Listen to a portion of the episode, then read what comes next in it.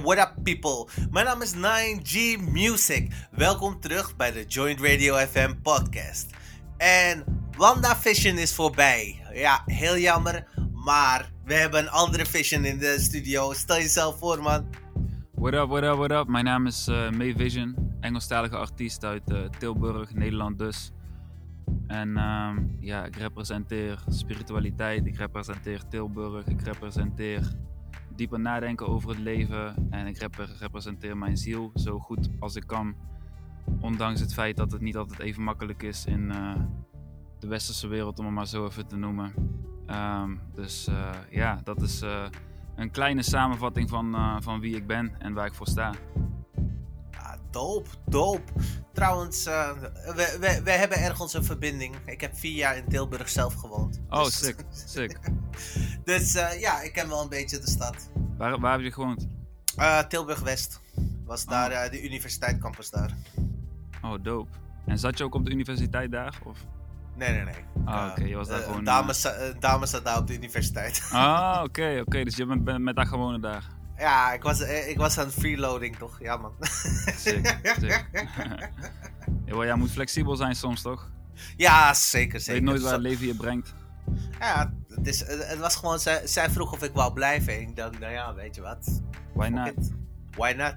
I, I got food, I got water here. Juist. I got nothing to complain. Juist. En heeft het een beetje een blijvende impressie achtergelaten, Tilburg? Ik moet echt eerlijk zeggen, toen de tijd, toen ik in Tilburg zat, uh, heb, ik, heb ik heel weinig eigenlijk van de scene daar meegemaakt, jammer genoeg.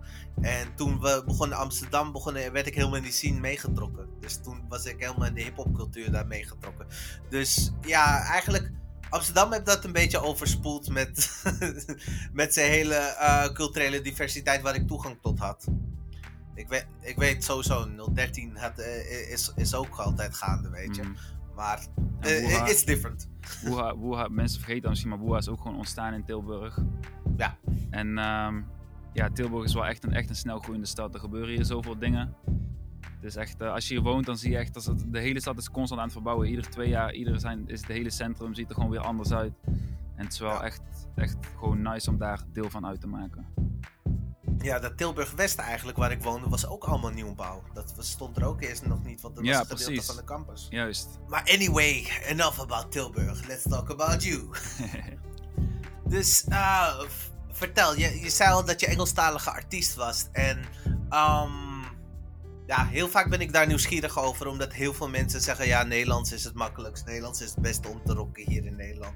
Wat is jouw keuze eigenlijk daarin geweest dat jij zegt van Engelstalig en fuck you? Ik denk, um, er zijn along the way sowieso mensen geweest die, hebben, die mij hebben, hebben aangeraden om Nederlands te rappen.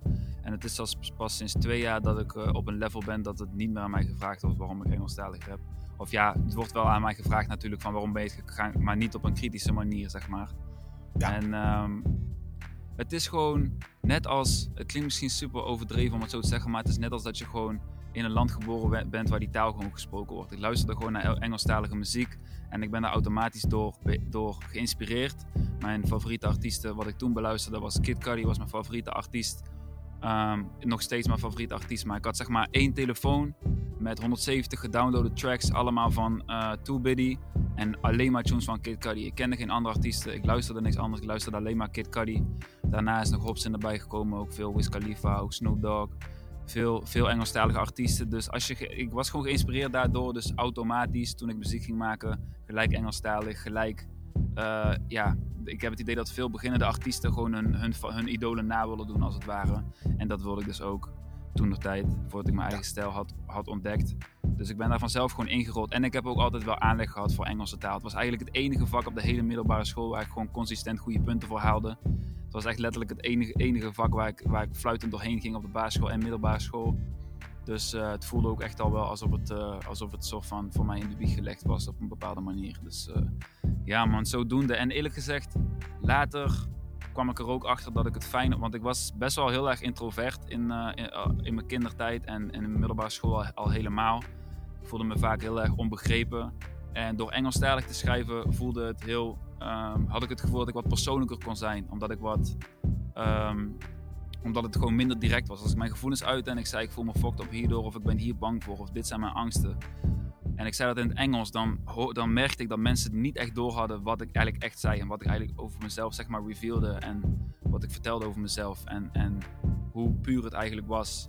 En dat heeft mij, was voor mij, daarom was het voor mij extra makkelijk om mij te uiten op die leeftijd. En nu is dat niet meer een motivatie, want, want nu ben ik gewoon veel opener in life in general. Dus ik kan gewoon praten over mijn shit en waar ik mee zit en mijn angst en gevoelens en whatever. Maar toen dat tijd kon ik dat niet. Dus toen omdat het Engels, Engelstalig was, kon ik me veel makkelijker uit, omdat het gewoon wat minder direct voelde. Nee, duidelijk, duidelijk. Het, het, staat dus echt heel dichtbij uh, de manier dat jij in het begin kon uiten. Maar waar is het punt eigenlijk dat muziek eigenlijk daarin stroomde? Dat je teksten zelf ging schrijven? Waar, waar, was die motivatie vandaan gekomen? Die motivatie is als ik nu. Toen, had, toen wist ik dat niet, maar ik denk als ik terugkijk, was die motivatie gekomen uit het feit dat ik mezelf wilde uiten. Ik wilde gewoon. Eigenlijk wilde ik gewoon gezien worden. Ik was gewoon een tiener en tieners willen, willen gezien worden. En als je het gevoel hebt als tiener dat je niet gezien wordt, dan ga je anders shit doen om aandacht te krijgen. Of je gaat meelopen, of je gaat andere shit doen. Of je gaat dus keihard werken aan een craft, omdat je denkt van uiteindelijk ga ik daar de aandacht voor krijgen die ik verdien of die ik graag wil hebben. En ik denk dat heel veel artiesten zich daaraan kunnen relateren. Misschien jij ook wel. Ehm, maar, het is, ehm, ik had in een andere podcast inderdaad een gesprek met uh, Sahant, de storyteller van de Mesterrap. En die zei ook inderdaad dat hij hetzelfde pad had gelopen. En dat heel veel artiesten inderdaad dit pad belopen. Ja ook nog een tweede, wat ik, wat ik trouwens uh, grappig genoeg vind, is dat uh, ik sprak met de Amerikaan laatst. En die zei dus, terug, teruggaan naar het Engels. Die zei heel erg dat wij een heel hoog niveau van Engels hebben. Mhm. En ik legde hem ook uit dat heel veel consumer media die wij krijgen, is, uh, is Engels. Juist. Waar andere landen bijvoorbeeld, hoe weet dat, voor kiezen om Nederlandse of Nederlandse. Een andere uh, in hun eigen taal. Dus uh, de, hoe heet dat? De cartoons en series opnieuw op juist, te nemen. Juist. Dat hebben wij hier. Ja, man, uh, ook als ik, als ik, juist, als ik gewoon op vakantie ging naar Frankrijk of Duitsland, ik was altijd verbaasd van, hè, we hebben toch gewoon ondertitelingen. Daar was het allemaal gesynchroniseerd naar Frans juist. en Spaans. En ik vond dat echt niet, ik vond dat echt niet nice wegkijken. En ik kon natuurlijk ook niet verstaan. Dus ik vond dat al helemaal niks. Maar dat, was een, dat is inderdaad wel echt een ding, man. Ik denk ook misschien door, omdat Nederland zo klein is, dat we zeg maar die humbleheid hebben, dat we die nederig, nederigheid hebben van het draait niet alleen om ons. Dat we daarom ook uh, allemaal Engelstalige shit luisteren en gewoon alleen die ondertiteling doen. En ik denk dat dat juist een van de grote krachten is van ons land, denk ik wel. Het is iets waar ik eigenlijk inderdaad, ik heb er eigenlijk nooit echt bij stilgestaan, maar het is inderdaad wel iets wat een hele grote rol speelt in het feit dat ik nu doe wat ik doe. Dus het is wel echt, nou, is dat het op die manier loopt, zeg maar ja, het is, het is eigenlijk ook als je naar de geschiedenis kijkt. Nederland heeft zich altijd bemoeid met handel op verschillende vlakken. Soms positief, soms stukken negatiever. Maar eigenlijk handel hebben uh, heeft altijd centraal gestaan uh, in het handelen van Nederland zelf. En dat is eigenlijk de cultuur eromheen. Hoe heet dat? Schiphol, Rotterdamse haven hoe dat internationaal eigenlijk in elkaar steekt. Mhm. Philips, al die bedrijven zijn gewoon uh, internationaal gegaan. En dat, dat is denk ik gewoon een, een kracht en zwakte van Nederland. Maar ja, yeah, that's why we talk English over here. ja, precies. Ja. En uh, het is wel interessant, want als ik erover nadenk, dan besef ik pas van hoe groot de rol dat inderdaad gespeeld heeft, gespeeld heeft. En ook het feit dat we op een bepaalde manier. En wat ik ook, wat ik ook trouwens is weer een beetje off-topic. Maar wat ik ook trouwens uh, echt heel vaak opmerk, is dat Nederlanders heel kritisch zijn op mensen, die, op mensen uit Nederland die Engelstalig rappen. En dat ze heel erg letten op accent en of het wel, of het wel um, Engelstalig klinkt, of het wel Amerikaans klinkt, of het, of het grammaticaal wel klopt. Wat ik uiteraard begrijp. Alleen, uh, ik heb regelmatig aan mensen uit Engeland of mensen uit Amerika gevraagd van wat vind je van mijn muziek? Wat vind je van mijn accent? Wat vind je van mijn uitspraak? Um, ik heb ook gevraagd van, dan was ik ergens optreden en dan vroeg ik aan een guy die dan toevallig uit Engeland kwam van, yo, ik krijg deze feedback wel eens, in het Engels natuurlijk, van ik krijg deze feedback wel eens, zou jij er eens op willen letten of dat iets is wat jou opvalt of iets, of iets is wat jou stoort? En ik heb altijd alleen maar super positief feedback gekregen en voor hun was dat nooit een probleem. Ik heb ook wel eens gehoord van mensen van, um, of van mensen van één persoon eigenlijk, van... Um, uh, in Amerika heb je 50 verschillende uh, uh, staten en overal hebben ze een ander accent. Alleen jij komt niet uit een staat in Amerika waardoor je geen specifiek accent hebt. En um, dat was ook een van de redenen waarom het voor mij dan moeilijker zou zijn om Engelstalig te rappen. Maar van mensen dus uit het buitenland heb ik dus nog nooit zo'n soort, zo'n soort feedback, feedback gehad. Maar wat, wat denk jij zelf eigenlijk? Denk je dat het moeilijker is um, om voor een Nederlander om Engelstalig te rappen, omdat je dan dus niet een bepaald accent hebt die uit een bepaalde staat komt? Of denk je dat dat niet zoveel uitmaakt? Kijk, weet je eigenlijk, we gaan, we gaan, een, we gaan een paar gasten bij uh, pakken. Van verschillende eras. We pakken 50 Cent. We pakken Young Thug. We pakken Old Dirty Bastard. Alle drie hadden een zwaar accent. Uh, hoe heet dat? 50 Cent uh, was eigenlijk in zijn mond geschoten. Daardoor had hij een speech impediment. Hmm.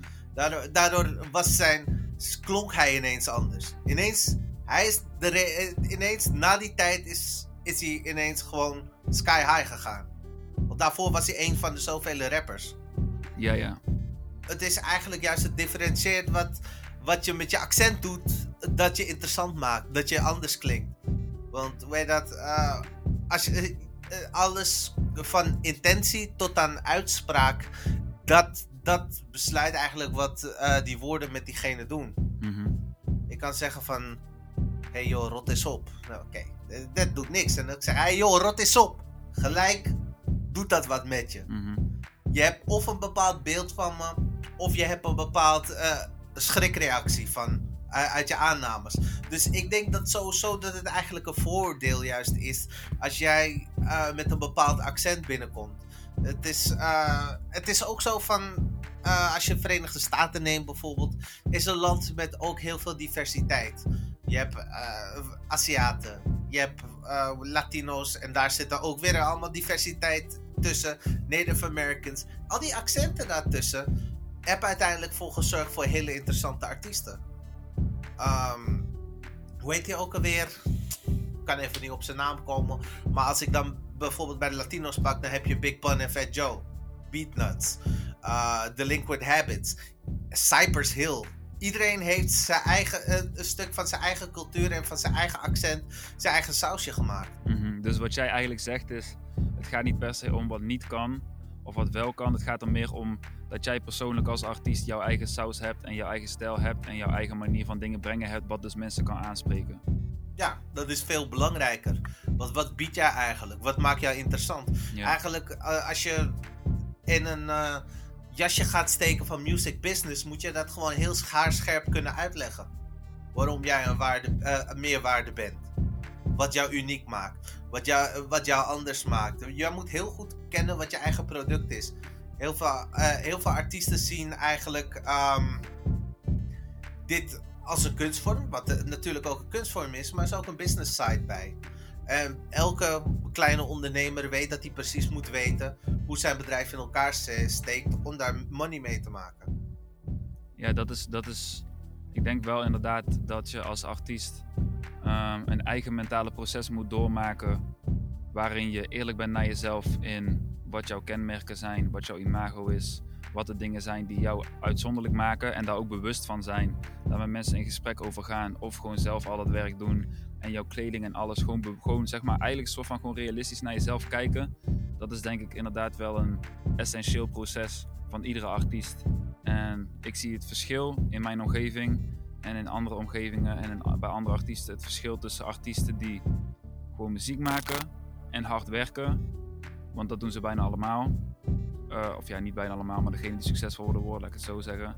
Ja. En, en de artiesten die na, nadenken over een breder plaatje, over wat kan mijn plek zijn, waarin, wat mist er nog in de muziekindustrie en waar kan ik zorgen dat ik mijn eigen specifieke plek kan veroveren. En dat is ook precies hoe ik er naar kijk, want ik heb gewoon het gevoel dat er heel veel, vooral jongeren en jeugd is of zijn, die zich gewoon niet gehoord voelen, voelen en die zich niet gezien voelen en het kan helemaal in deze social media tijdperk kan het echt een best wel eenzaam bestaan zijn. Nou, helemaal in corona, je zit veel thuis.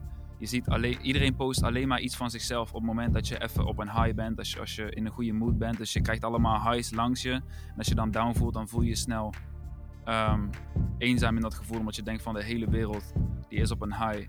En uh, waarom ik hierop kom is omdat um, een van mijn doelen als artiest dus, wat ik dus na vele dagen en maanden nadenken en gesprekken voeren met mensen, um, een van de conclusies die ik eruit, daaruit heb getrokken is dat mijn doel is om die jongere jeugd ehm, die mensen die zich niet gehoord voelen of niet gezien voelen, een soort van ehm, relateerbaarheid te geven. Zo van, ik voel me ook zo, weet je wel. Ik ben ook gewoon anxious als ik naar buiten loop, omdat ik gewoon een bepaalde social anxiety heb. Ik ben ook gewoon, ehm, ik, ik voel me ook gewoon altijd dit buitenbeentje die nooit ergens bij hoort. En ik doe ook altijd gewoon mijn eigen ding. En ik heb ook altijd het gevoel dat ik de enige ben die, eh, die helemaal op zijn eigen leen zit. En ik heb het gevoel dat er super veel mensen zijn die dat gevoel met mij delen. En ehm, ja, dat is dus eh, ook een van de redenen waarom ik doe wat ik doe. En dat is dus ook omdat ik een artiest ben die wel nadenkt over het hele plaatje en wie ik wil aanspreken en waarom ik doe wat ik doe. En zo ben ik dus ook gaan vormen. Ehm, ben ik ook wat ik naar de wereld, wereld uitdraag, ehm, een beetje gaan vormen rondom die kernbegrippen. Met uh, dus nadenken over de, over de diepere vragen en spiritualiteit en zelfkennis. En eigenlijk hopelijk gewoon mijn steentje bijdragen in wat, ja, in wat de volgende generatie weer kan helpen om, om zichzelf te vinden en om, om, om het gewoon puur te houden. Ja. Beetje, een, beetje, een beetje een rant, rant trouwens, maar uh, wilde gewoon even kwijt. nee, nee, nee, maar ik, ik haak gelijk op die rant in.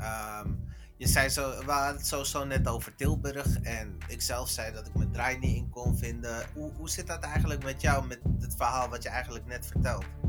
Natuurlijk is er een stuk verhaal van de lockdown uh, ernaast. Maar dat buiten gelaten, had jij eigenlijk het gevoel dat jij uh, ergens een plek kon vinden in de stad waar je wel gehoord kon worden? Of... Jawel, er zijn wel wat plekken in Tilburg waar plek is voor talent sowieso. Bijvoorbeeld uh, uh, Social Grooves is een, is, is een plek, die hebben eens in de zoveel tijd hosten ze een livestream performance van een aantal rappers. Of ze hebben gewoon een live optreden, toen het nog kan in ieder geval. Van gewoon een aantal rappers waar ze gewoon, uh, gewoon een ding kunnen komen, komen doen, allemaal opkomend talent. Uh, verder heb je natuurlijk de Hall of Famous dichtbij, die heeft Talent Meets Talent. Dat is, een, dat is ook een evenement voor, voor opkomende rappers, daar kun je voor aanmelden. Um, dus als je gewoon goed genoeg zoekt en je houdt je ogen open en je spreekt met mensen, dan ga je in Tilburg gewoon kansen zien. Dan ga je in Tilburg gewoon kansen vinden. En het zijn geen uh, baanbrekende kansen, want uiteindelijk iedereen's journey is anders. Dus um, ja. je moet je nooit limiteren tot één stad, maar er zijn zeker wel plekken om gewoon in ieder geval zelf te ontwikkelen, een eigen community op te bouwen. En zelf gewoon stappen te maken wat weer kan leiden naar, naar, leiden naar meer, uh, natuurlijk. Dus ik denk dat er in Tilburg wel echt zeker, zeker plek voor is. Duidelijk, duidelijk. Um, wat, wat was het eigenlijk van, je, je ging dus ook tekst schrijven, ik hoor nu ook dat je ook performt.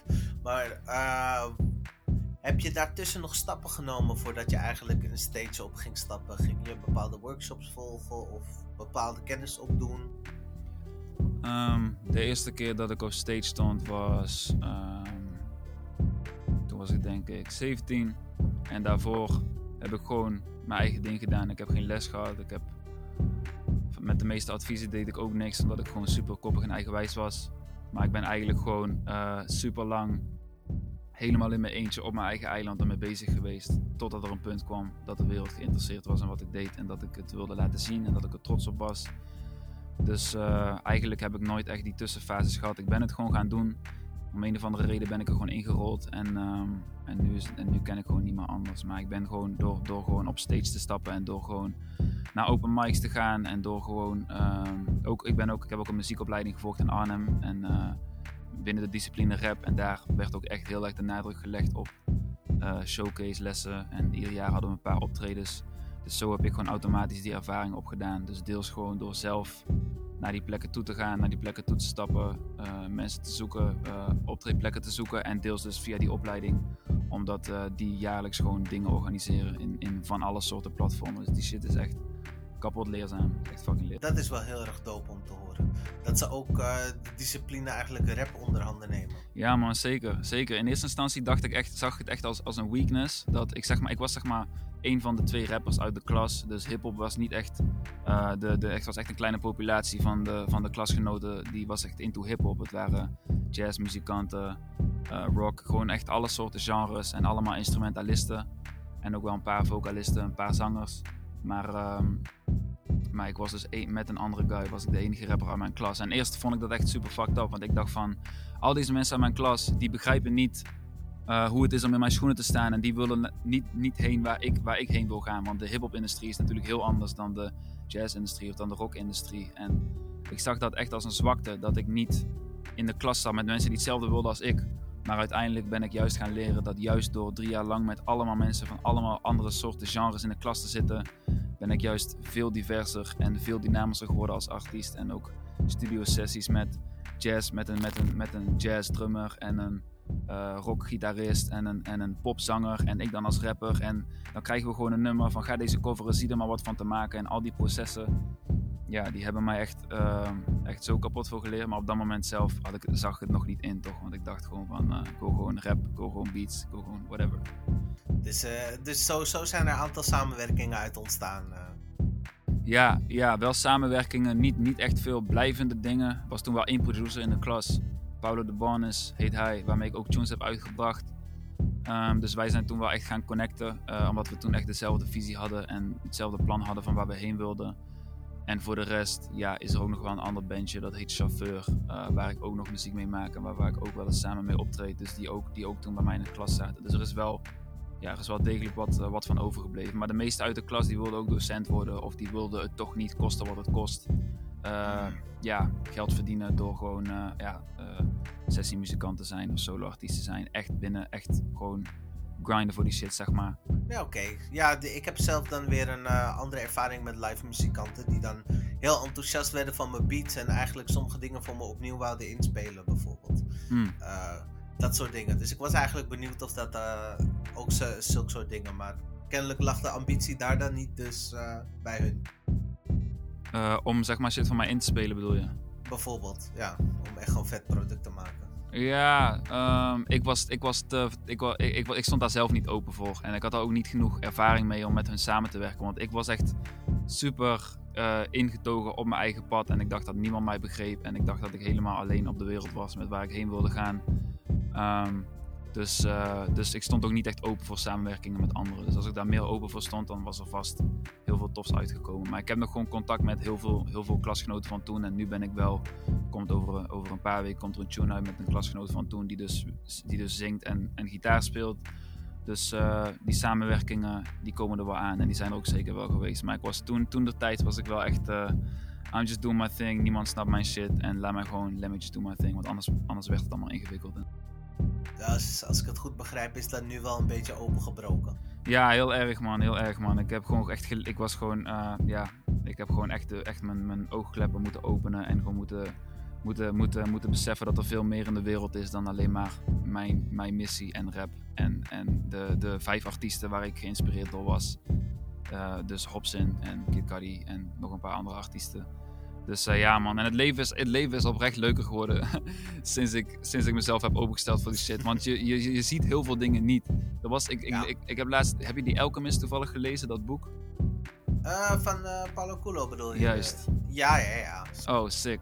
Sick. Um, toevallig een quote uit, uit, uit, dat boek die mij zo, zo erbij komt schieten. Er werd er in, in, in, in, de, in dat boek wordt zo'n sprookje verteld. Waarin zo'n wijze man zegt van...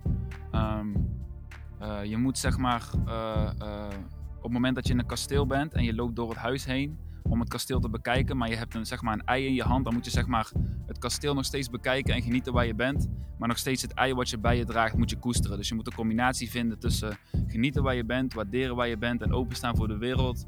Maar nog steeds de, hetgene wat voor jou belangrijk is, koesteren en dat ook naar, van A naar B brengen. Dus een soort van combinatie van genieten van de shit waar je nu bent en nog steeds, um, um, en nog steeds jouw doelen gewoon bewaren en van A naar B, A, naar B brengen en shit. Dus die, die is mij in ieder geval... Ik verwacht het echt helemaal niet zo mooi als het in het boek stond, maar die is me echt mad bijgebleven in ieder geval. Ja, wat, uh, wat was eigenlijk het punt dat je eigenlijk openbrak? Dat je zegt van, dit is genoeg. Uh, welke les had je moeten leren daarvan? Hmm. Ja, dat is een goede vraag, man. Um, ik denk dat het gewoon een heel lang proces is eigenlijk. Een heel langzaam proces. Het zijn allemaal kleine stapjes ik voel wel echt dat ik constant in ontwikkeling ben en uh, dat het leven echt gewoon een avontuur is.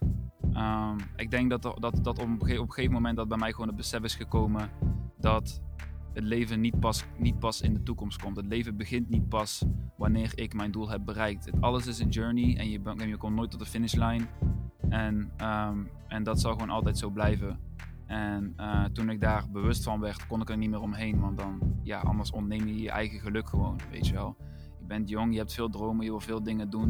Je hebt mensen om je heen die van je houden. Dus waarom zou je alleen maar bezig zijn met dat ene? Terwijl er zoveel mooie dingen in de wereld zijn. En ook al zou ik dat ene bereiken, dan weet ik, ik weet nu al dat als ik al mijn doelen behaal, dat het nog steeds geen garantie is voor geluk. Dus ik ben, ja, ik, heb daar, ik ben daar gewoon te bewust van om daar naïef voor te zijn, als het ware. En dat, is, dat, ja, dat bewustzijn is gewoon heel langzaam gekomen. Nee, duidelijk, duidelijk. Ehm, ik ga even naar je top 5 terug. Uh, van, van, artiesten die je inspireert. Juist, juist. ik, ik wil van iedere artiest horen jouw favoriete nummer en waarom. Hmm. Gewoon mijn favoriete nummer van alle tijden, van alle artiesten. Gewoon van die vijf die je hebt genoemd die je inspireerde. Dus Oh, van, alle, van al die vijf artiesten een favoriet? Eén nummer. Een nummer van die artiest die ik het vetst vind? Ja, die het vetst vind. Oké. waarom? Oké. Ehm, dan begin ik met Hobson. Uh, Ilmine of Hobson 7, ken je die? Ik heb, ik heb ze niet allemaal geluisterd, zeg je eerlijk. Oké, maar je, kent, je bent wel bekend met Hobson? Ja, ja, ja, sowieso. Oké, sick, sick. Um, Ilmine of Hobson 7, man. En uh, ja, ik weet niet, uh, als, als er, als er hiphoppers zijn die, die dit luisteren, is de kans groot dat, um, dat, je, dat, je, dat je de track kent. Uh, het is in ieder geval Hobson in de woestijn, die al zijn frustraties over de onwetendheid rondom religie van zich afschreeuwt. Dus het is gewoon vijf, zes minuten lang dat hij in zijn eentje in de zandbak staat in Egypte ergens, of misschien wel in Amerika, weet ik veel, maar het ziet in ieder geval heel Egyptisch uit. En uh, waar hij gewoon vijf, zes, vijf tot zes minuten lang gewoon schreeuwt over over het feit dat hij niet weet of God bestaat en hij niet weet wat waar is en wat niet waar is. En hij vertrouwt zijn eigen mind niet en dan volgt hij zijn mind weer. En het is echt, uh, ja, die, die, toen, ik weet nog, toen ik in de, in de tweede of derde klas zat, zat ik echt aan een lopende band in mijn eentje te luisteren. Ik liet die aan allemaal matties zien. Iedereen zei van, what the fuck, is helemaal niet interessant. Maar ik zat er echt helemaal ingezogen. Dat hij elke dag echt, echt, echt zes keer per dag te luisteren. Um, dus dat nummer, ja, ik, ik heb nog steeds, als ik dat nummer luister, dan komt er zoveel nostalgie en inspiratie over mij heen dat ik echt gewoon uh, zo drie nieuwe tunes kan maken. Maar dat is dus in ieder geval de tune van uh, Hobson, man. Heel of Hobson 7. Voor iedereen, voor alle hip-hop heads. Met, met tip. Echt met tip om die te checken in ieder geval. Nice, nice. Oké, okay, dus dan uh, nummer 2. Even denken. ja, je hebt Kid Cudi sowieso. Ja, Kid Cudi, man. Um, ja, Kid Cudi is echt zo'n artiest. Hij is gewoon een vibe of zo. Ik weet niet, luister jij Kid Cudi? Ik luister soms, zo nu en dan. Ik ben, ik ben casual listener. Oké, oké. Uh, ken je, heb, jij, heb jij een favoriete van Kid Cudi? Het meest stomme eigenlijk, dat, dat nummer Day and Night hmm. trekt me altijd mee met hem. Ik vind ook echt erg nummer, man. Ik vind hem ook hard. Uh, maar van Kid Cudi vind ik het heel moeilijk om echt gewoon zijn beste nummer te noemen. Want het is echt, hij is gewoon een vibe. Hij is gewoon een artiest. Hij is gewoon een geheel plaatje. Naar mijn mening. Um, als ik eentje moet noemen, dan, um, dan is het Mr. Rager, denk ik. Mr. Rager is ook echt. Uh, ken je Mr. Rager? Nee. Oh, Mr. Rager is echt. Uh, die clip is ook echt fantastisch gewoon. Hij zit zeg maar in zijn eentje, komt hij een gebouw binnen. En uh, hij, hij, begint trouwens met, uh, met de psychiater, dus hij is met de psychiater aan het praten. En dan gaat hij langzaam in zijn onderbewustzijn. Dus de hele clip speelt zich zeg maar, zeg maar af in zijn onderbewustzijn. En hij gaat zeg maar een gebouw binnen en daar komt hij iets van 100 vijanden tegen. Die hij allemaal stapje voor stapje probeert hij ze allemaal te verslaan. Dus hij loopt zeg maar een trap op en hij komt allemaal vijanden tegen. En daar staat zeg maar symbool voor zijn demons, dat denk ik tenminste. En hij verslaat ze, hij verslaat ze. Hij is een soort van superheld. Maar op het einde wordt hij neergestoken door een gedaante die je niet ziet. Ik verklap nou trouwens de hele clip, maar maakt niet uit. en, en uiteindelijk wordt hij zeg maar neergestoken door zichzelf. Um, en, uh, en overlijdt hij dus en wordt hij weer wakker in zijn stoel. En uh, ja, die, die, die, die clip die, uh, ja, was voor mij echt, ja, echt een hele, hele grote inspiratiebron. Dus dat is mijn favoriete track van Kid Cudi in ieder geval. Ja, dat, dat is dope, dat is dope. Nou komen we bij eentje aan die ik, waar ik sowieso favorieten van heb en dat is Wiz Khalifa. Ja, Wiz Khalifa, ik moet eerlijk zeggen, hij is niet meer in mijn top 5 van, van, van artiesten die ik luister. Nee. Maar, maar hij is inderdaad wel echt super dope. Maar, um, maar wat is jouw favoriete Wiz Khalifa track dan? Never Been Part 2. Oké. Okay. Uh, Never Been Part 2 is featuring Amber Rose en Rick Ross. En het grappige daarvan is, is ik heb heel veel Chrono Trigger gespeeld. En ineens hoorde ik dat ze die beat daarvan hebben gesampled. Mm. En wat ze daarmee hebben gedaan, uh, is origineel Secret of the Forest. Dus je loopt in een bos rond. Vraag daar tegen enemies. Het is eigenlijk niet de meest opvallende track van, van, uh, van het bos, omdat je altijd er snel doorheen rent. Ja, ja. Maar als je dan gaat luisteren, denk je van wow, wie de fuck, wie de fuck heeft dit in elkaar Sick. gezet? Ja. En hij heeft dat gesampled en het, uh, uh, hoe heet dat, Sledger in ieder geval heeft dat gesampled. En als je dat terugluistert, Je gaat gewoon op een fucking trip. Wiz Khalifa heeft het gewoon eh, zijn eigen gemaakt. En als Rick Ross op de track komt, dan heb je ze het ook een gevoel gegeven van Maybach Music van Rick Ross. Dus iedereen die erop voorkomt, eh, kan het stukje zichzelf eh, toe-eigenen. Terwijl er heel veel van de origineel compositie bewaard blijft. Mm, Dat is gewoon zo dope, want je vibet gewoon weg op die track. sick. Dus het is echt gewoon een vibe check. Gewoon, vibe Ja. track, gewoon bossen. Gewoon met attitude, nonchala- nonchalantie. Of zit er echt een, een meaning onder? Ja, het is, eh, het is eigenlijk van. Het is, het is als, als er een meaning achter zit, is het echt hedonism. het is echt zei je? hedonism. Hedonism. Wat is dat? Hedonistisch. Gewoon good life. Oh, oké, oké, ja, ja, ja. Dus eh, hoe heet dat, dat, dat is eigenlijk het gevoel wat het geeft. De originele part 1 gebeurt ook dat er, een- eh, dat er een chick eh Wiz Khalifa een lapdance geeft op die track. En het is ook echt gewoon een track die je daarachter kunt draaien. Mhm. Dus gewoon daardoor heeft het wel multilagen, omdat het neemt je ergens anders naartoe, maar het is ook geschikt gewoon voor een dame die een lapdance geeft. Juist, dus juist. Dat is Het is gewoon, gewoon een diverse track. Ja. En, maar, maar Wiz Khalifa was eerst echt fully into, into promoten van smoken, toch? Want dat was echt... Ik begon, ik begon eh, naar hem te luisteren toen ik, eh, toen, ik, ja, toen ik 14 was en ik begon met blowen en zo. Superveel geblowd toen. Dus ik Ja. kon me echt helemaal vinden in die sfeer, weet je wel. Die Mac and Devin Go to High School. Ik heb die film Ja. echt koude vaak gecheckt. Is hij, is, hij, zeg maar, eh, is hij zeg maar nog steeds zo bezig met die hele smoke shit? Of is hij nou een beetje aan het veranderen? Tenminste, wat hij uit. Want ik zag ook dat hij super veel aan het sporten is nou. Dat hij ineens koude fit is geworden en zo. Hoe is zijn. Ja. Het grappige daarvan is, is dat hij, ehm, hij, hij heeft er gewoon eh, monetized eigenlijk die, dat image over wiet roken. Hij heeft gewoon, hoe dat, iets van een bepaalde eigen app geïntroduceerd of een bepaald dispenser iets in de Verenigde Staten waar je gewoon Wiz Khalifa zijn wiet kan krijgen, zeg Juist. maar. Ehm onderhand is hij ook eh, verder gaan eh, sporten, gaan trainen. Zelf zie je ook dat hij een beetje eh, bewuster is geworden van dingen. Het was één keer ook was hij op een livestream met Erika Badu aan het praten. was eigenlijk best interessant. Er zit meer achter dan alleen eigenlijk het wietroken dat hij doet. Dat is, dat is wel nice aan uh, Wiz Khalifa. Maar hij deelt dus zeg maar wel nog steeds die, die wietrook-image naar, naar de buitenwereld toe. Ja, dat heb je nog steeds. Oké. Ja, wel, ja, is op zich ook niet per se iets mis mee. Ik weet niet of jij een eh, smoker bent of jij into, into dat bent. Ik zal je eerlijk zeggen, ik heb vroeger eh, heb ik het geprobeerd en ik werd paranoid. Dus ik dacht, laten we dit maar niet doen. Mm, Dus ik, ik, ik blijf gewoon rustig bij de liquor. En eh, daar hou ik het ook echt bij. Gewoon. dus je hebt één keer geprobeerd en daarna gewoon, fuck it, gewoon kop. Ja, daarna dacht ik echt zo van, als, ik, als ik hiermee doorga, dan no. Dit, dit, werkt, dit werkt niet voor mijn hoofd in ieder geval. Mm. Ja, heeft voor mij wat langer geduurd om, om tot dat inzicht te komen, maar eh, dus ja, nou, dus eh, je hebt niet echt een nummer van, wat, wat, van Wiz Khalifa? Of is er... Is er ehm, een? ik weet niet hoe die heet. Have a little party in my crib. And the da da da da da da Cause you're fucking with some OG da da rolling OG smoke And da da da da da da da da da Ik weet niet of je die tune kent Die is van, die is van de Mac and Devin Go to School Go to High School album Dus die, die tune vond ik echt verkouden chill Maar ik weet niet eens de naam meer Dus zo chill ik hem dan misschien ook weer niet toch Maar OG Smoke, OG Koes of zoiets heet die Zoiets Dan is het gewoon du- duidelijk echt de vibe rondom het wiet smoken eigenlijk. 100%. Ik voelde me ook echt mad validified. Als je gewoon op die leeftijd begint met smoken en al jouw heroes smoken ook gewoon. Je ziet, dit zijn, dit zijn succesvolle mannen die al jarenlang smoken. En waarom de fuck zou ik het dan niet kunnen doen, weet je wel. Je denkt, die dingen gaan gewoon hand in hand samen. Dus het heeft me wel even, even geduurd om eh, voor mij tot de conclusie te komen dat het voor mij toch niet echt eh, supportive is aan, eh, aan waar ik wil komen. Ja. Wat was die wake-up call daarvan? Hè? Van, het, van het smoken. Ja, dat je daar besloot gewoon. Ja, ik, had, ik kreeg eigenlijk gewoon superveel keelpijn, man. Ik kreeg gewoon een soort van chronische keelpijn. Ik wilde eigenlijk wel stoppen met smoken en stoppen met roken, maar ik had er eigenlijk niet de wil voor. Ik heb ook eerlijk gezegd, als ik om mij heen kijk, ehm, is, eh, iedereen waar ik toen mee smokte en rookte, die roken nog steeds, bijna allemaal. En die smoken ook nog steeds, de meeste af en toe in ieder geval. En ik kreeg eigenlijk gewoon chronische keelpijn. Ik kreeg gewoon fucking veel keelpijn, waardoor het simpelweg niet meer lekker was. Dus op dat moment baalde ik er echt van. Ik ging echt vaak nog gewoon een beetje meesmoken als mijn mattie smokte. Maar uiteindelijk ja, was het gewoon simpelweg niet meer lekker. Dus toen was ik 18, toen was ik gestopt met smoken.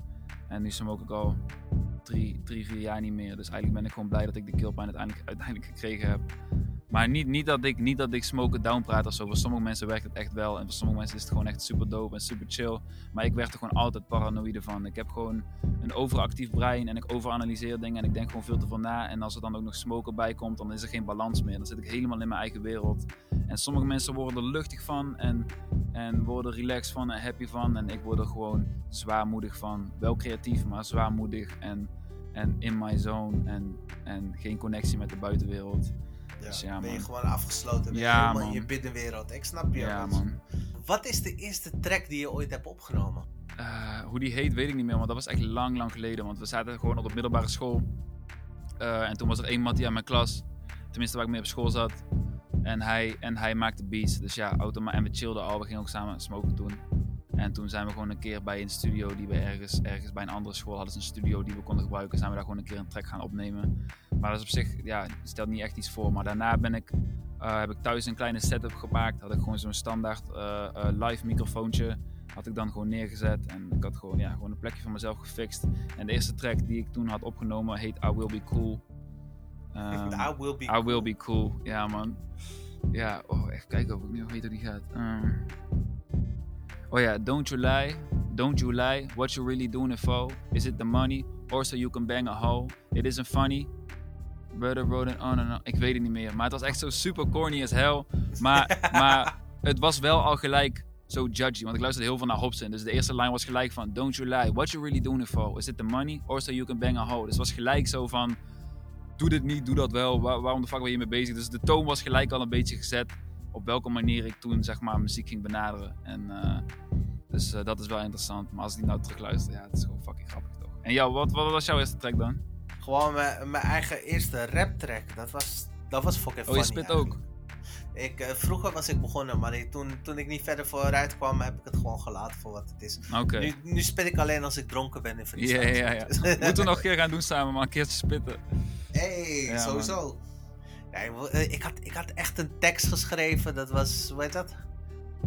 Mix the shit like a vodka lam in the 21 second Malaya shine. Ik was bezig de hele dag Smash Bros aan het spelen. Oké, oké. Kun, je, kun, je, kun je hem afmaken? Weet je nog een paar, 16 bars of zo? Ah, pff, ik weet niet eens of die 16. I ain't afraid to die. Why do they? Why must be the vodka lambo, de Bacardi cola. Zoals je hoort, de- deze shit was echt reflectief van wat ik luisterde. Mm. Ik was heel erg in die eh, early 2000s, eh hoe heet dat, bling bling dingen allemaal aan het luisteren, feesten, party en bullshit dingen. Dus dat, dat, was, dat was wel grappig. We come at you like a ola. And if you don't like it, chupa mi bolas. dat ja. het, het was kapot funny. Ja, als ik zo, ik ben wel benieuwd naar die track, moet ik eerlijk zeggen. ja, weet het, eh, ik had toen de tijd echt een demo van één producer gehad. Hij zei zo, ja man, ga hierop spitten. En toen ging ik daarop spitten. Ja, dan doe je En gewoon met wat je hebt, toch? Ja, precies. Maar naderhand zelf, mijn eerste beat die echt af-af was. ehm, even kijken, die opgenomen was. Ja, dat is It's Him. Ehm, en iemand gaf me een challenge. Hij zei zo van: Ik wil dat jij een eh 8-bit beat maakt in de stijl van drum en bass. Ik zei zo van: Wat chip toen in drum en bass? Hij zegt: Ja, man. Dus ik ga dat maken. En ik had het net klaar. Hij zei zo, ben je nu al klaar? Ik zeg, ja man. Omdat ik zat de hele dag achter mijn laptop Hmm. eh, en pc gewoon beats te slaan. Eh, toen ging ik even naar buiten. Volgens mij moest ik een verjaardagskaart voor mijn moeder halen of weet ik veel. Ineens kom ik een jongen tegen die ik eh, voor de zomer al had gezien. Hij ging een paar tracks opnemen met mijn beats. En hij zei zo, "Eh, wat- heb je iets nieuws voor me? Dus ik, dus ik gooi die beat. Hij zei zo, oh shit. Ja man, deze wil ik. Stuur het me. Dus binnen, binnen een reeks van drie weken was die hele track ineens compleet. Eh, het was een eh, chiptune sample van eh, een anime intro. Oh shit. ja, Damn. het was gewoon. En dan nog ook drum en bass, dus we zaten op 160, 170 bpm gewoon te rocken. Maar je bent niet doorgaan met die drum en bass stijl. Je bent wel gewoon hip-hop hip gaan maken. Eh, ik maakte al hip-hop, ik maakte al drum en bass. Eigenlijk, ik ben vrij divers. Ook industrial eh, wil ik soms wel eens als ik zin in heb. Het hangt er echt gewoon af van mijn mood. Reggaeton heb ik ook gewoon gerock, rock ik nog steeds. Daarom vind ik die beat challenge van mezelf juist eh, heel erg interessant. Omdat ik ook zo divers mogelijk en breed mogelijk wil denken Mhm. als het om muziek gaat. Ik sla niet gelijk iets af of zeg gelijk van hé, hey, dat kan niet. Hé, hey, laten we dit eens proberen. Ja, ik denk ook, ik denk ook vooral, vooral als, als producer dat het heel belangrijk is om zo divers mogelijk te zijn en ook echt flexibel te zijn. Als, een, als je stel je werkt met een, met een vocalist samen of met een artiest samen, dat je gewoon echt de vibe kunt aanvoelen en kunt vragen wat die, wat die persoon zin in heeft en dat je gewoon al die kanten op kan gaan. Weet je wel, dat je zo divers mogelijk jezelf oriënteert. Ik denk als vocal- vocalist is het iets makkelijker. Voor mij is het iets makkelijker om gewoon de beats bij me te verzamelen die ik bij mij vind passen. En ik werk gewoon samen met de mensen die ik bij mij vind passen. Maar omdat ik gewoon mijn specifieke doel heb en ik zoek gewoon de tools daarbij die, die bij mij passen. Alleen ik denk als producer, tenminste als je in de, in de rol van een ander, als je zeg maar in dienst van een andere artiest werkt, dat het wel inderdaad heel chill is, zoals jij zegt, om echt op al die fronten gewoon, gewoon, gewoon aan de slag te kunnen. Weet je om al die shit gewoon te kunnen doen. Ja, je moet daar een keuze in maken. Sommige beats zijn gewoon echt, dat weet je zeker, daar hebben spitter niks aan. Of eh, daar wil een zangeres eigenlijk niks mee doen. Dat moet je voor jezelf maken. Ja, andere dingen moet je eigenlijk specifiek ook echt voor anderen maken. Mhm. Dus dat is gewoon een keuze die je, die je daarin moet maken. En gewoon daar heel duidelijk voor jezelf ook in zijn. Anders ga je echt jezelf teleurstellen. Ja man, en werk jij liever zeg maar, want jij rapt ook toch? Nee, nee, nee. Ik rap alleen als ik dronken ben. Oh ja, dat zei je, ja oké. Maar ik dacht, van, ik dacht van, misschien heb je, heb je nooit dat je gewoon een beat maakt. Dat je echt, je, gewoon, je, je betrapt jezelf gewoon op dat je hem echt koude lekker vindt. En je bent gewoon aan het viben en je denkt, en er komen gewoon woorden op. Heb je dat nooit? Jawel, jawel. Sowieso, Dan ga je toch gewoon die fucking tune maken, of niet dan? Ja, ja, ja. Dat, daar ben ik ook mee bezig. Ik ben even aan het uitzoeken voor welke mensen erop eh, op kunnen. Maar de grap is eigenlijk, eh, ik, heb, ik heb een bepaalde social media presence. En ehm, heel, heel veel mensen eh, komen aanzetten met die, dat, relationship things. Like, ja, wanneer, wanneer ga jij iemand zoeken, dit en dit en dat. Dus ik, ik werd een beetje moe van mezelf de hele tijd uitleggen. En toen kwam ik ineens met, weet je wat jongens, laat me met rust. De vloer is motjos. Hmm. En dat is eigenlijk een, een van die beats. Daar is gelijk dat eh, refrein is de vloer is motjos, klaar. Dus het hele onderwerp, daar gaat het over. Damn. Dus, dus inderdaad, dat is, so- soms, soms heb je dat gewoon. Als je, als je naar een track luistert van dit, is, dit kan erop, dit past erop, dit is dope.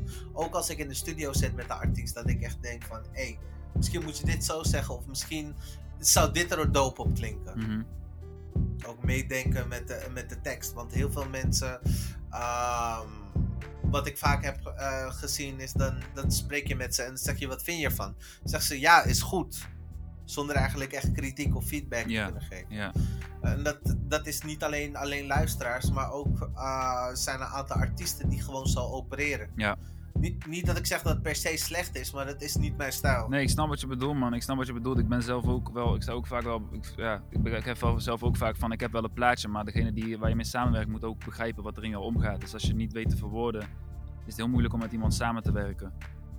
Dus eh, dat is inderdaad wel een, een goede tip die, eh, die, die, eh, die je mij geeft, want dat doe doe je niet bewust, maar ja, ik merk ook wel vaak als ik met mensen samenwerk dat ik gewoon, ik, ik doe alles op gevoel, dus ik zeg gewoon van, deze voel ik, deze voel ik niet. Of weet Ja. je wel, als ze vragen van wat voor beat wil je nu, heb ik niet speciaal van oh trap en dit soort sound, maar dan zeg ik gewoon van deze vibe of whatever, of een onderwerp of ik noem een woord. En ik begin ook steeds meer, zoals je ziet, kunnen mensen die aan het luisteren zijn niet zien. Maar ik zit nu in mijn eigen studio en ik heb hier gewoon mijn eigen setup en ik heb mijn boxjes en ik heb mijn keyboard en ik heb FL Studio, ik heb Logic. Dus ik ben gewoon aan de lopende band zelf tunes aan maken, zelf muziek aan het maken. Dus eh, dat helpt wel echt kapot erg om ook die communicatie met andere artiesten eh, eh, ja, gewoon op een goede manier te doen. Dat je gewoon, duid- dat je gewoon op dezelfde lijn zit eigenlijk. Precies, het is, het, het is ook heel belangrijk om te begrijpen waar diegene naartoe gaat, om daarop in te spelen. Ik heb eh één keer iemand gehad die kwam binnen bij mij en die zei zo van, eh, ik had een beat gegeven en die zei zo van, ja oké, ga ik het inzingen. Jij mag me vertellen welke kant dit op gaat, want het is jouw beat. Ik keek echt diegene aan van, oh, hold up. Dus je hebt eigenlijk zelf geen beeld of visie hoe je, hoe je eigenlijk op deze track wil komen. Ja. Dus dat was extra puzzelen. Daardoor is die track ook nooit uitgekomen. Omdat eh, het probleem was van. ehm, iemand zong gewoon en dan kreeg ik al het gevoel van: jij gelooft niet in je eigen tekst wat je doet. Jij wil dat ik als producer ineens eh, aan alle knoppen ga draaien, eh autotune erop flikkeren en weet je. Ja, ja, dus je stoorde je, je eraan dat, dat die artiest nog geen, nog geen duidelijk beeld had van wat hij wilde doen. Ja. En ook vooral uh, het punt is van, waar wil je naartoe? Waar wil je heen? Wat voor impact moet dit maken als de luisteraar ernaar luistert?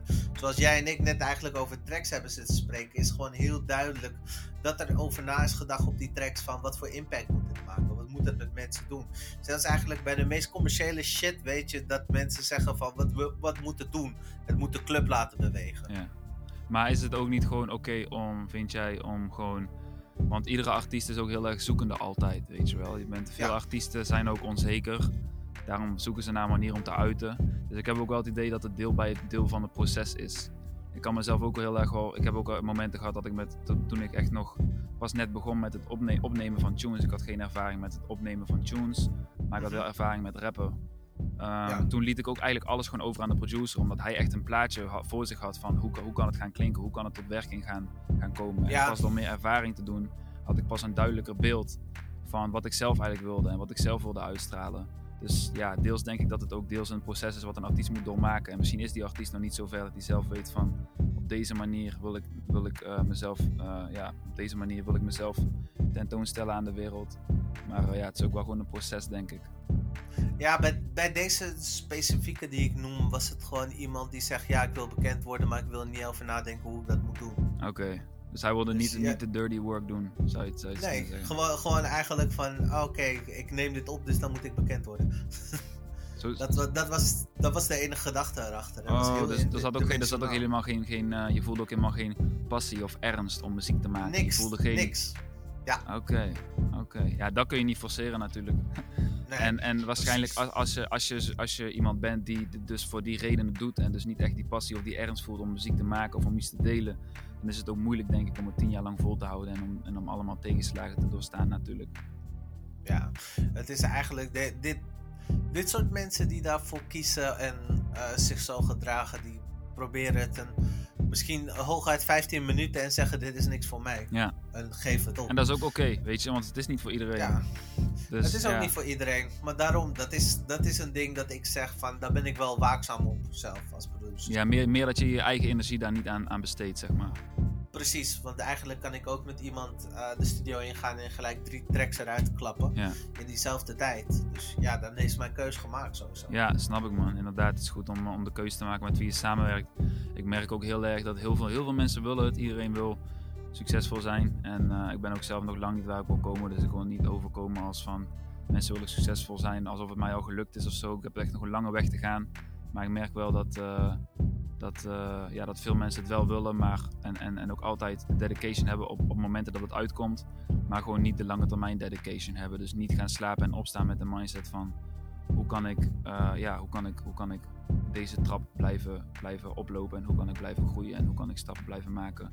En uiteindelijk toch voor mezelf een plek fixen dat ik hier gewoon mijn brood mee kan verdienen. En uh, ja, die, die, die, ik, heb, ik heb ook het idee dat die motivatie echt van diep moet komen, man. Die kun je ook niet forceren of zo.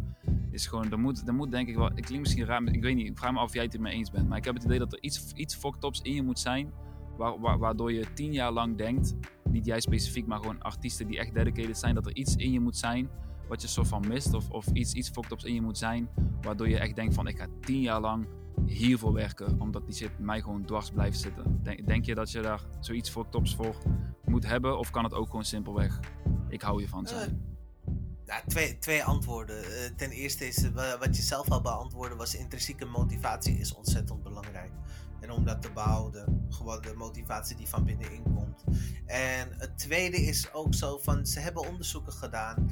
Um, topsporters, uh, mensen die hoog presteren op verschillende uh, plekken, hebben een afwijking in hun hersens waar uh, eigenlijk, hoe heet dat, sociopaten dat ook hebben. Oh. So, so, so that, that's an interesting okay. thing to think about. Maar er zijn, er zijn, het wordt niet direct gezegd dat het uh, dat het sociopaten zijn, maar nee, heel veel snap je. van de uh, dingen, uh, criteria komen veel overeen. Dat is wel een hele dus interessante link, man. Dat is een hele interessante link die je daar legt. Ik denk ook dat heel veel artiesten ook super zelfkritisch zijn. Want je moet, denk ik, naar mijn idee wel die zelfkritischheid, die zelfkritiek hebben om alsmaar te streven naar verbetering. En ja, er zijn ook artiesten die denken van, ik vind deze tune gewoon prima zoals hij is. En je hebt artiesten die denken van, ik moet alles perfectioneren om deze tune zo perfect mogelijk te maken. En die, en die focussen zichzelf elke keer op met het is niet goed genoeg. Maar die zijn ook degene die uiteindelijk zo lang bezig blijven dat ze uiteindelijk echt tot een super dope product komen wat mensen gewoon willen horen. Maar, Zeker, maar, dat, is wel, zeker. maar dat is wel koude interessant wat je dat zegt. hoor. Van, eh, ja. Wat zijn jouw plannen voor de toekomst? Mijn plannen, ehm, als in eh, eh, eind dit jaar breng ik mijn eh, debuutalbum uit genaamd Moontrap. En Moontrap is zeg maar ehm, de embodiment, de establishment of zeg maar wie ik ben als persoon eh, en, de, en de progressie die ik door heb gemaakt in de, in, de, in de 21 jaar. Ik heb al best wel wat muziek uitgebracht waar ik heel trots op ben, clips en alles. Ehm, maar dit album, die onderscheidt mij naar mijn mening van gewoon artiesten die doen wat ze leuk vinden en artiesten die echt ergens willen komen. En eh, eh, dus Moontrap staat, staat eh, dus mijn debuutalbum staat dus, staat dus op de planning in mijn vooruitzicht. Het album is al klaar, maar ik moet nog alle videoclips en zo gaan doen. Dus dat gaat nog even duren. Hoeveel videoclips gaat het hebben? Minstens drie. Nice. Ja man, dus het is echt een, een, een dieper concept, Moontrap. Ehm, eh, en voor mij staat Moontrap symbool voor zeg maar. Eh, ik heb heel vaak voordat, voordat we dan om 9 uur, thuis, mo- 9 uur thuis moesten zijn, ging ik altijd s'avonds even naar buiten. Rond 1 uur of 2 uur ging ik naar buiten. En dan ging ik altijd naar hetzelfde pleintje toe. En dan ging ik naar de maan kijken. En dan ging ik even een half uurtje mediteren in mijn eentje. En dan kwam ik helemaal tot rust en helemaal tot mijn kern. En, ehm, eh, en voor mij is dat zeg maar de Moontrap. Dus ik keek dan naar de maan en ik was soort van trapped in the moon. Dus gewoon ehm, ja, vast in zeg maar, dat beeld, in, in, in dat specifieke moment. En, en de hele EP heeft dus zo'n soort van psychedelische, ehm, filosofische sfeer. Ja, filosofische sfeer is natuurlijk niet echt een term, maar gewoon een hele psychedelische sfeer.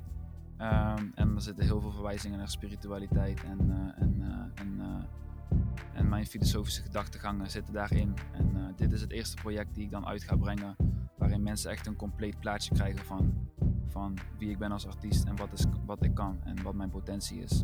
En verder op lange termijn doelen, ja, ik heb gewoon ehm, een eigen manifestatielijstje die ik probeer elke dag even voor te lezen, even mijn ogen dicht doen, even het inbeelden, weet je wel. Ik ben daar sinds kort op die, eh, op die soort dingen, dus ik denk ik ga er gewoon voor. Dus, ehm, dus over vijf jaar is mijn doel om, eh, om een internationale tour te doen over de hele wereld. Ehm, en eh, om, eh, ja, om dus wereldwijd mensen te inspireren met mijn boodschappen en hopelijk mensen ook te kunnen helpen door, door de kennis die ik opdoe ook weer te kunnen delen met, met de wereld in, in de vorm van muziek. En ik heb ook wel een paar stages waar ik graag wil bijvoorbeeld op Wuhan nog een keer optreden. Ehm, verder eh, de, de Melkweg, Paradiso zijn allemaal plekken waar ik geweest ben in het verleden waar ik dacht van oké, daar wil ik ooit staan. En eh, die spoken allemaal rond nog in mijn achterhoofd. Maar eh, ik probeer vooral gewoon te genieten van de reis en, en, en een beetje in het heden te zijn ook. Om het een beetje in balans te houden. Heel erg dope, heel erg dope. Nu eigenlijk, ik ga je wel vragen. Je hebt een paar stages genoemd in Nederland. Maar zijn er stages internationaal waar je echt op wil staan? Gewoon van, die wil ik gewoon rocken.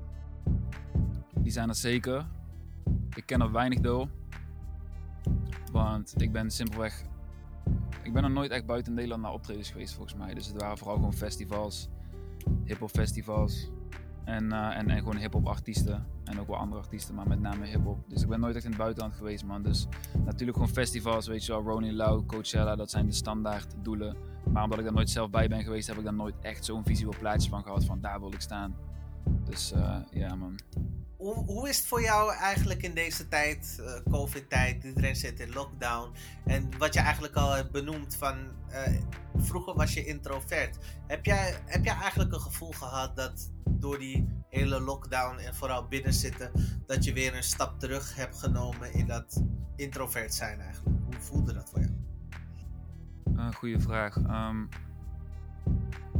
deels wel in het introverte, als in. ehm, als ik nu naar buiten ga en er zijn kapot veel mensen, dan krijg je gelijk zo'n soort van.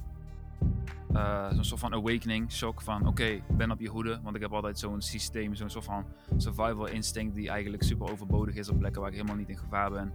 Maar waardoor ik toch gewoon een bepaalde, een bepaalde armor, een bepaald schild wil dragen. En door die coronatijd ben ik minder in die, op die plekken geweest. Dus het is makkelijker voor mij geweest om een soort van my guard down te laten. Dus, eh, en daardoor ben ik weer opener geworden. Dus eigenlijk wel minder introvert op een bepaalde manier. Ehm, en het heeft me gewoon super veel rust gegeven om in mezelf te investeren. Eigenlijk simpelweg één stap terug en twee stappen vooruit. Zo voelt het echt. En ehm, ik heb ook het gevoel dat heel veel mensen in mijn omgeving het op die manier hebben ervaren. Dus ja, het voelt wel. eh, ja, ik heb wel het gevoel dat ik als mens en als artiest echt wel soort van. ehm, een soort van eh, ben, ben, uit, ben, ben, ben ontbloeid. Nee, ontbloeid is dat. Ik weet niet hoe je het is. Bestaat dan woord ontbloeid? Je bent aan het bloeien. Ik ben aan het bloeien in ieder geval, je- ja man. Of niet? Ja man, maar in ieder geval echt zo'n één stap terug, twee stappen vooruit feeling. En, eh, want als je maar constant in die cycle zit, dan ik krijg dan heel snel het gevoel eh, dat ik achterloop of dat ik nog dingen moet doen of dat ik dingen over het hoofd zie. Ik heb alleen maar het gevoel dat ik aan het inhalen ben, dat ik achterloop. En ehm, deze coronatijd heeft mij meer het gevoel gegeven dat dingen gewoon horen te lopen zoals ze lopen. En dat het gewoon oké is zoals het nu gaat. En gewoon alles wat ik, wat ik doe als een plus te zien waar ik dus van kan genieten en me voldaan door kan voelen. In plaats van iets wat ik nog moet doen omdat ik het nog moest inhalen, weet je wel.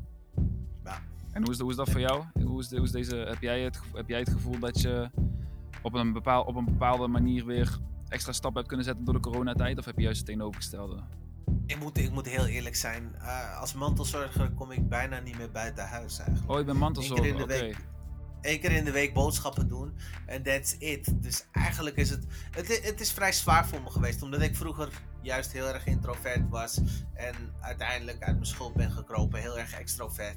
En met de jaren is het steeds meer geworden. Ik ging naar evenementen toe. eh, reports maken. Bijvoorbeeld met de radio en dergelijke. Eh, nieuwe mensen ontmoeten. Gewoon mensen die je helemaal niet kent. Vragen stellen. mee spreken. Dat, dat was ineens mijn leven geworden. En ineens ging de hele stap terug.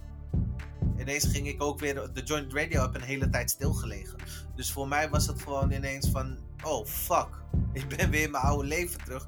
Dat ik de hele dag achter de PC zit en eh, alles zit te doen. Oh, Dus- oké. Dus daarom stel je misschien ook die vraag omdat het, dat het iets is wat, wat ik, bij ik jou was da- daarom nieuwsgierig. Ja, Ja, voor ja. Iedereen, eh, iedereen ervaart de COVID-tijd natuurlijk Mhm, anders. mhm. Dat is. Maar omdat jij zei, omdat je introvert bent geweest, was ik nieuwsgierig hoe het proces bij jou was. Ja, precies. Ja, ik heb nog steeds wel een introverte natuur als dat, als dat überhaupt iets is. Maar eh, ja, ik heb wel, het is wel eh, in ieder geval, ja, het is wel fijn om, eh, om daar een beetje, een beetje uit te zijn in ieder geval. Ja. Ja, zeker weten. Nou, we, we, we gaan richting het einde van de podcast. Maar is er nog iets wat jij aan de mensen wil meegeven?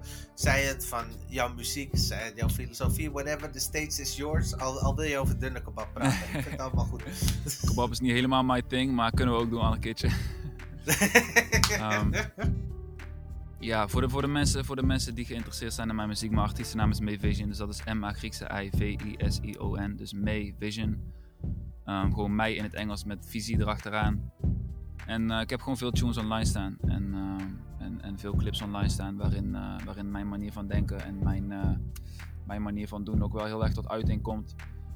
En eh, ja, ik vind het lastig om echt iets, iets mee te geven, want iedere persoon zit weer in een ander proces. Ehm, het enige wat ik denk dat voor ieder, iedereen belangrijk is om te horen is gewoon ehm, dat, dat, dat ieder, ieder ehm, dat donker en licht zeg maar altijd in balans gaan. Dat is iets waar ik heel erg nu in zit. Ik zit eerlijk gezegd in een vrij donkere periode, omdat ik ook fysiek klachten heb en zo. Ik heb geen zin om er te veel over te uiten, maar wat mij op de been houdt is het feit dat ik weet dat omdat ik nu die klachten heb, dat ik me weer super vrij ga voelen op het moment dat die klachten weer gaan verminderen. En dat zullen ze ook.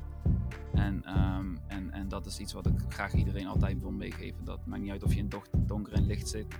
Dus ik ben niet te gehecht aan de mindset, maar kijk gewoon naar het grotere, grotere plaatje en besef dat het ook altijd in balans zal blijven. Dus ook al ga je nu door een moeilijke fase heen, komt ook altijd weer goed. Hele mooie woorden. Ehm, sowieso ga ik jou eh, vragen via WhatsApp om gewoon naar mij of via mail gewoon de links te sturen naar jouw, eh hoe heet dat? Naar jouw muziek. Ja, maar ga ik doen, juist. Kan ik die onderin de podcast zetten, dan kunnen mensen er direct ook op klikken als ze naar de podcast hebben geluisterd. Dus eh, de, we, we gaan je linken. Ja, is cool. Sowieso thanks voor deze kans om, eh, om, om mezelf te, tentoon te stellen aan een nieuw platform en om even, om even met elkaar in gesprek te gaan. Dat vind ik altijd dope om te doen. Ja, zeker weten. Het was een heel dope gesprek. Ja man. En hopelijk, hopelijk kan ik een keertje lang, langskomen wanneer het allemaal weer open is en shit.